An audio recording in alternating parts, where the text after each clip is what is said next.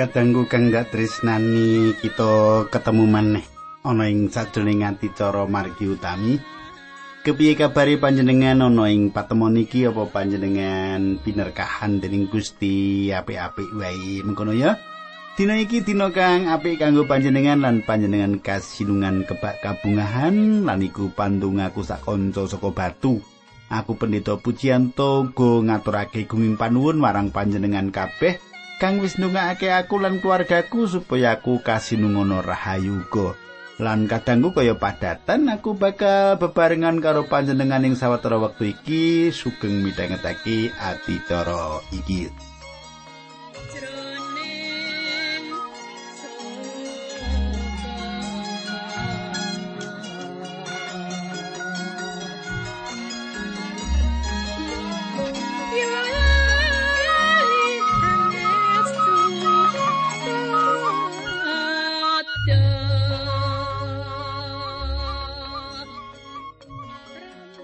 Katangku tak suwun panjenengan isi kelingan apa kang ndak aturake marang panjenengan ana ing patemon kita kepungkur.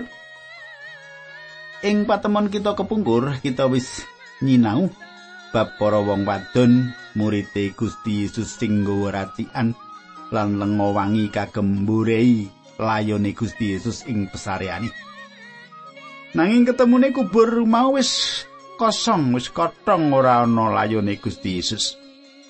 Kepriye busanani monggo panjenengan tak derekake ndedonga dhisik sadurunge aku nerusake.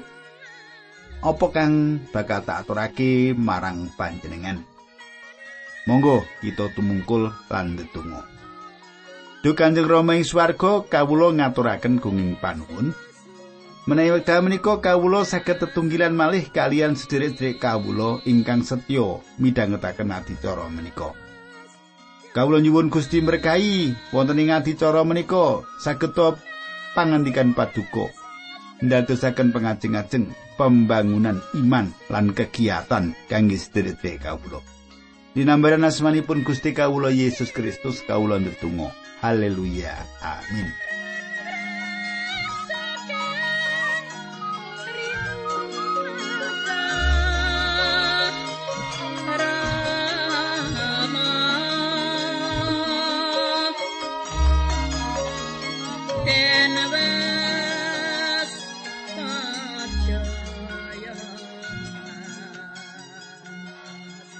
Kadangku kang ndak tresnani. Ing adicara iki ing patemon iki kita bakal nerusake apa kang kita sinau. Nerusake apa kang wis kita sinau nalika patemon kita kang kapungkur yaiku sinau ing Injil Lukas bab 24 Injil Lukas bab 24 saiki wis ngancik ayat songo lan aku bakal macake marang panjenengan. Ya kuwi ayat songo lan 10 mengko tak waca sisan ayat 11 mengkene surasani satekani saka pesarian nuli padha nyritakake lelakon kuwi mau kabeh marang para murid Gusti Yesus? Wong-wong wadon sing padha nyritakake lelakon mau ya kuwi Maryam Magdalena Yohana lan Maryam ibune Yakobus lan wong wadon liyane sing padha bebarengan karo wong-wong mau. Ayat 11. Nanging para rasul padha ora ngandel marang critane wong-wong kuwi dianggep mung gawe-gawe. Sumitraku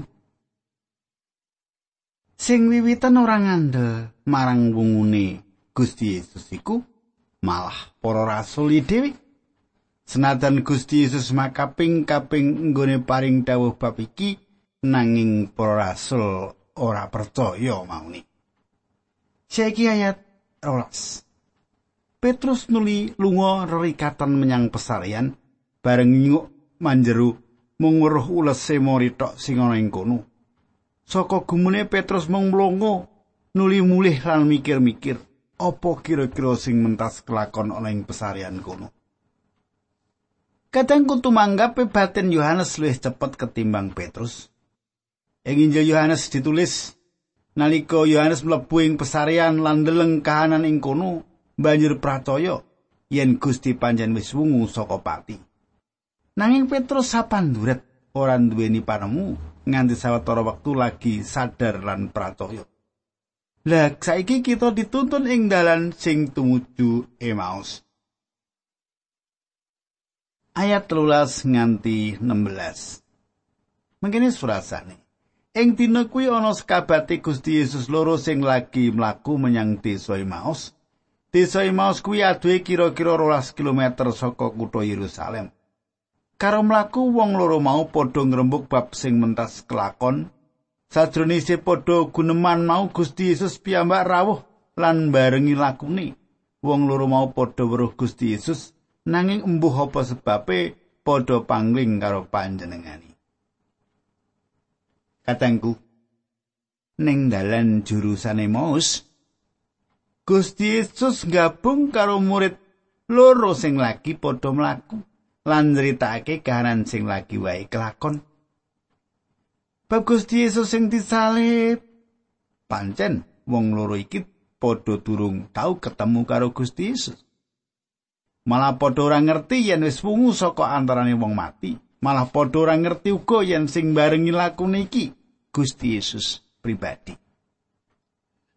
Ayat pitulas nganti 18 Lukas 4 Mungkin surasane.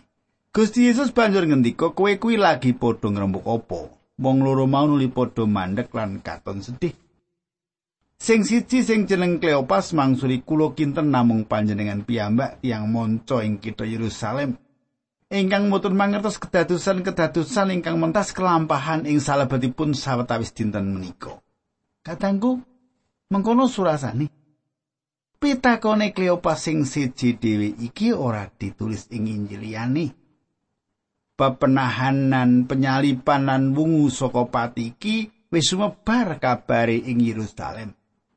Malah padha ora ngandel yen ana wong sing ora ngerti critane kedadian iki. Kedadian iki dudu kedadian sing digawe wadi. Ora sesideman. Iki pawarto sing umum lan isih anget. Saben wong nritakake bab iki moka yen ana sing ora ngerti. ayat 19. Pangandikane Gusti Yesus kuwi lelakon apa atune sing ditang. Menika lampahipun Gusti Yesus saking kita Nazaret, nabi ingkang kuwaos sanget ing pendamelan ing piwucal. Sarto tiyang ingkang kajen wonten ing ngarsanipun Gusti Allah lan ing antawisipun manungsa. Katangku saka pandugane wong loro iku yen Gusti Yesus iku nabi, uga miturut panemune Gusti Yesus wis sedo lan ora ngira yen panjenengane wis wungu saka pati. Ayat 30 nganti selikur. Para pengajenging imam tuwin para pengajenging bangsa kita sami ndawahaken paukuman pejah dhateng nabi wau lajeng dipun salib. Monggo kula sedaya rumiyin gadah pengajeng-ajeng pilih panjenenganipun menika ingkang badhe ngluwari bangsa Israel.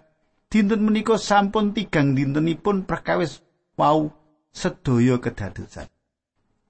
kadangku wong-wong mau padha ora duweni iman yen Yesus iku Allah. Pangertene panggah yen Yesus iku nabi. Ayat 23 nganti 23. Namung kemawon lajeng wonten cariyos ingkang dipun carisaken dening tiang estri sawetawis panunggalan kita ingkang damel kula sami kaget sanget injing wau nalika tasih umun-umun tiang-tiang istri wau sami dateng pesarian. Nanging wonten ing riku layonipun Gusti Yesus mboten wonten, lajeng sami wangsul lan sanjang, pilih sami sumerep malaikat kalih.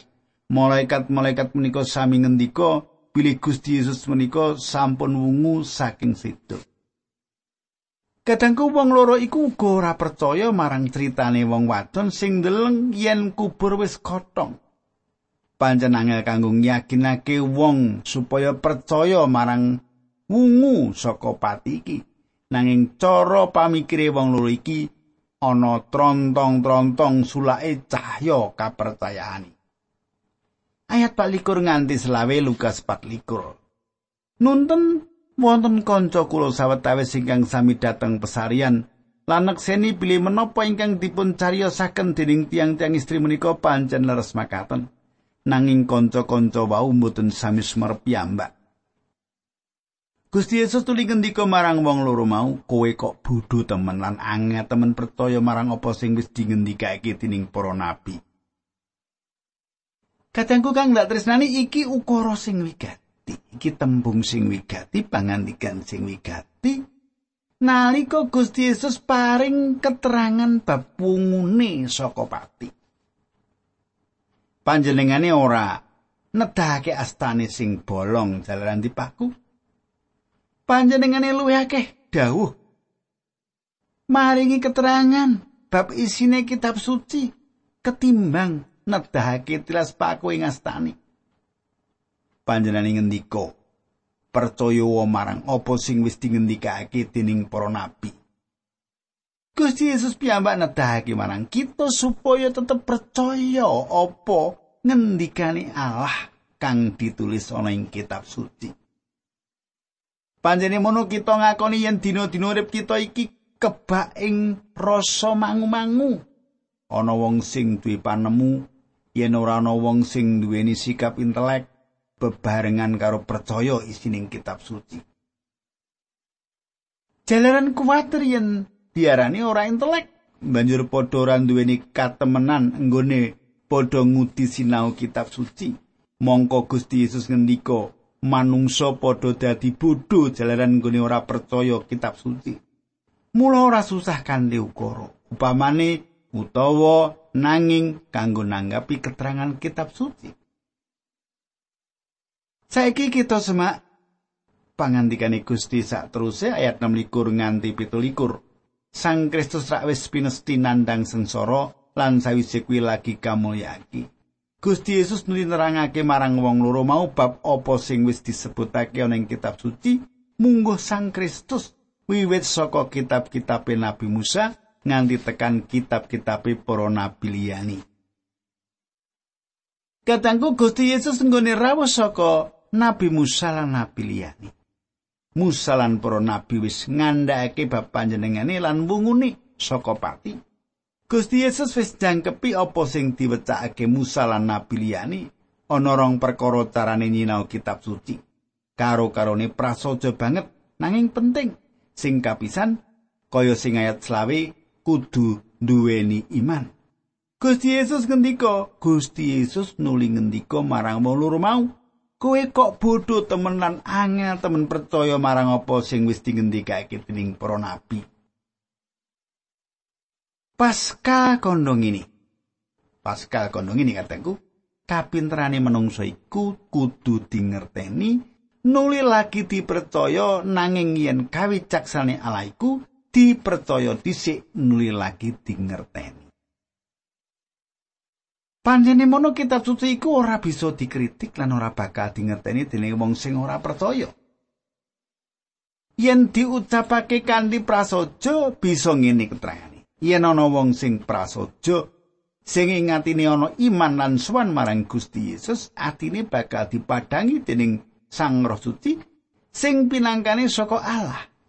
Yen para priyagung gone biyak-biyak kitab suci iku padha golek pepadang lan urip ing sadroning pepeteng lan mangsa krisis sing kapindo Gusti ngendika yen kitab suci iku mung bisa dipahami kanthi percaya marang Allah Ayat patang puluh nulis, Sawise kuwi Gusti Yesus nuli buka nelare wong-wong mau supaya padha ngerti marang kitab suci.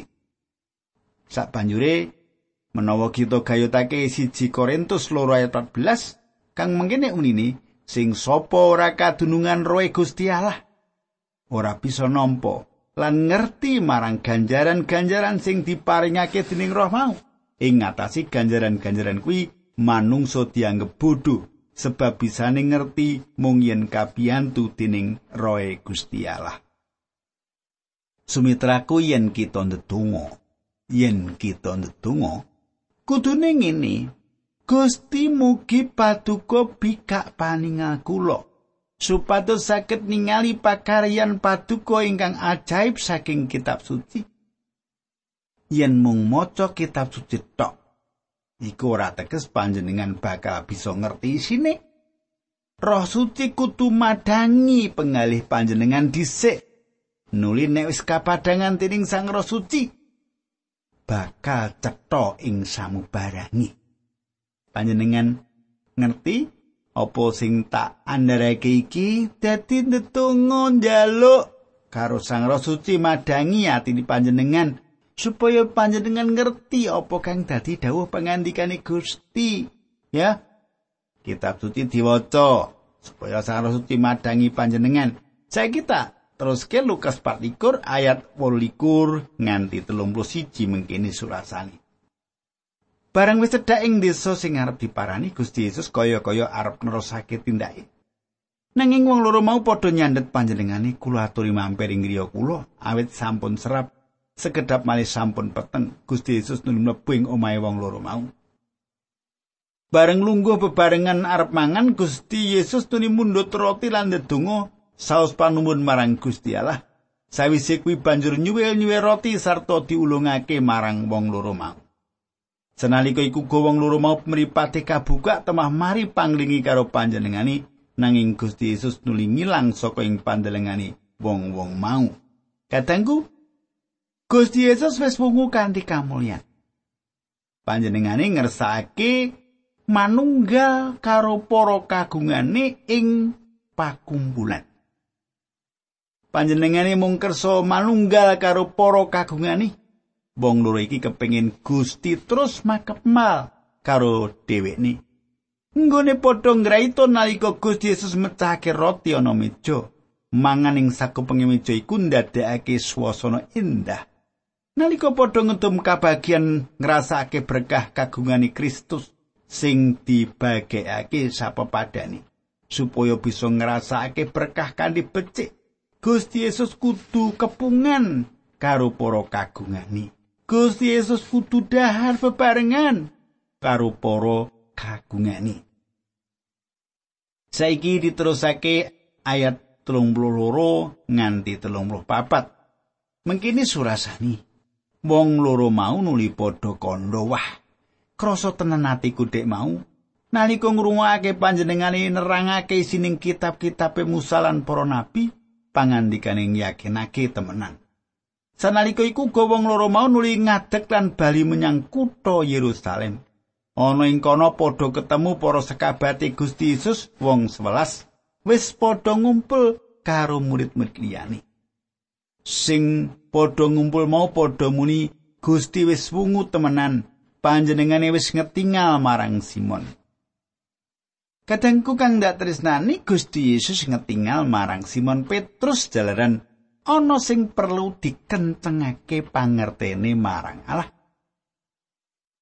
Petrus sing ngelakon kepungkur wis ora ngakoni Gusti Yesus Kristus. Gusti Yesus bakal mulihake secara pribadi gegayutane sesambungane karo Petrus. Mula Petrus uga dipanggi secara pribadi.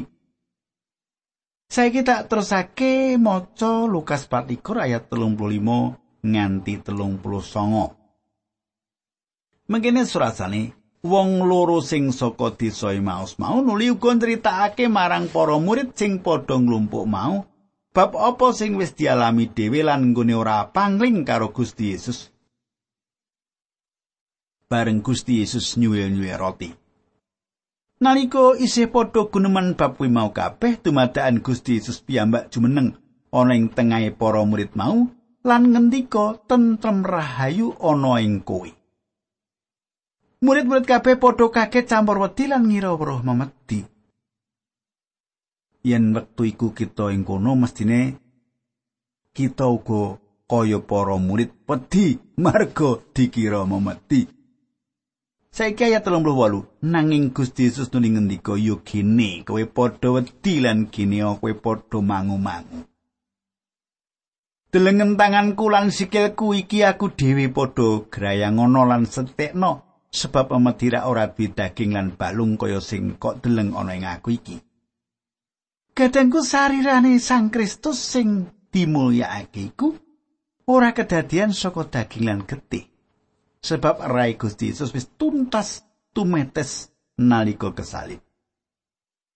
Saiki Lukas 24 ayat 40 nganti 40 songo. Mengkini surasani. Sadroning ngendika mengkono kuwi Gusti Yesus nedahake astolan sampeyani. Sarene ana sawetara murid sing isih durung ngandel merga saka bungai lan gumune, Gusti Yesus nuli ngendika, "Apa ing kene kowe duwe sing kena dipangan?" Para murid mau banjur ngaturake iwak gorengan sairis. Iwak mau nuli ditampani dening Gusti Yesus lan didahar ana ing ngarepe para murid mau.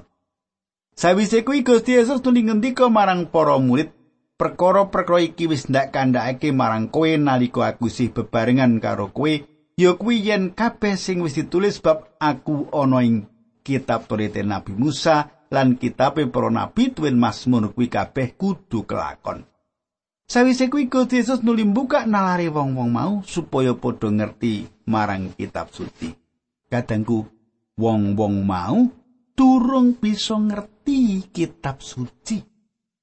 Mung sawise nalare dibuka dening Gusti, lagi nalare bisa nggayuh pangerteni kitab suci. Bisa nyakep apa sing dingendikake kitab suci awit Gusti Dewi sing buka nalare wong-wong mau.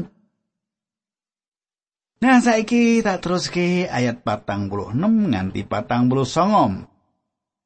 pangandikane ana ing kitab suci ana tulisan yen Sang Kristus kuwi pinesti nandang sengsara lan wungu meneh ing telung dinani uga wis ditulis yen atas asmane Sang Kristus bakal diwartakake marang para bangsa kabeh yen Gusti Allah maringi pangapuraning dosa marang wong sing padha mertobat saka dosa-dosane pawarta kuwi bakal diwartakake wiwit saka kutha Yerusalem. Dene kowe sing padha dadi seksine bab perkara kuwi mau kabeh. Lan aku dhewe bakal maringake marang kowe apa sing wis dijanjekake dening ramaku nanging kowe tetep ana ing kutha kene nganti kowe wis padha diparingi kasekten saka ing aluhur Kadangku yen ana wong-wong sing crita katresnane Gusti Yesus, iku pancen wis dadi kersani. Isine kudu nritakake Yesus sing sedo kasalib nuli wungu saka pati sawise telung dina lan sapa sing percaya bakal kawilujengake. Wasa kanggo nritakake katresnane Allah ing Yesus Kristus iku mung saka pitulungane Sang Roh Allah. Saiki ayat 50 nganti 51. Sawise mengkono Gusti Yesus nuli ngajak para sekabat metu saka ing kutha Yerusalem menyang ing sacedhake desa Betani ana ing kono Gusti Yesus nuli ngangkat astani lan berkahi para sekabat. Sadurunge berkahi mau Gusti Yesus kaangkat menyang swarga pisah karo para sekabate. Katangku, waktu sing pungkasan nalika para murid bisa ndeleng gurune. Wektu iku wektu sing pungkasan nalika para murid bisa ndeleng marang gurune. Gusti Yesus lagi berkahi para murid. Berkahi donya iki. Nanging mengko rawe sing kaping pindho bakal rawuh dadi hakim ing bumi panjenengane rawuh ora bakal ngadili gereja nanging bakal paring berkah mula monggo kita papakake rawe kanthi sukorno ayat ceket loro lan ceket siji Lukas 24 Para sekabat nuli padha sujud nyembah marang panjenengane nuli padha bali menyang kutha Yerusalem kelawan bungah banget Para sekabat mau tansah padha ana ing pedalemane Allah lan ngluhurake Gusti Allah. Iki paseksi saka Injil Lukas, mestine panjenengan aku padha kaberkahan. Banjur iman kita sangsaya kukuh ora miar miur. Nah, katangku monggo kita tumungkul kita ndedonga. Duh Kanjeng Rama ing swarga kawula sampun paripurna anggen kawula ngaturi keterangan-keterangan kayektosan bab pangandikan paduka kula nyuwun supados Gusti saestu nyataken sanak kateng kawula ingkang midhangetaken pangandikan menika dinambaran asmanipun Gusti Yesus Kristus kawula nutung haleluya amin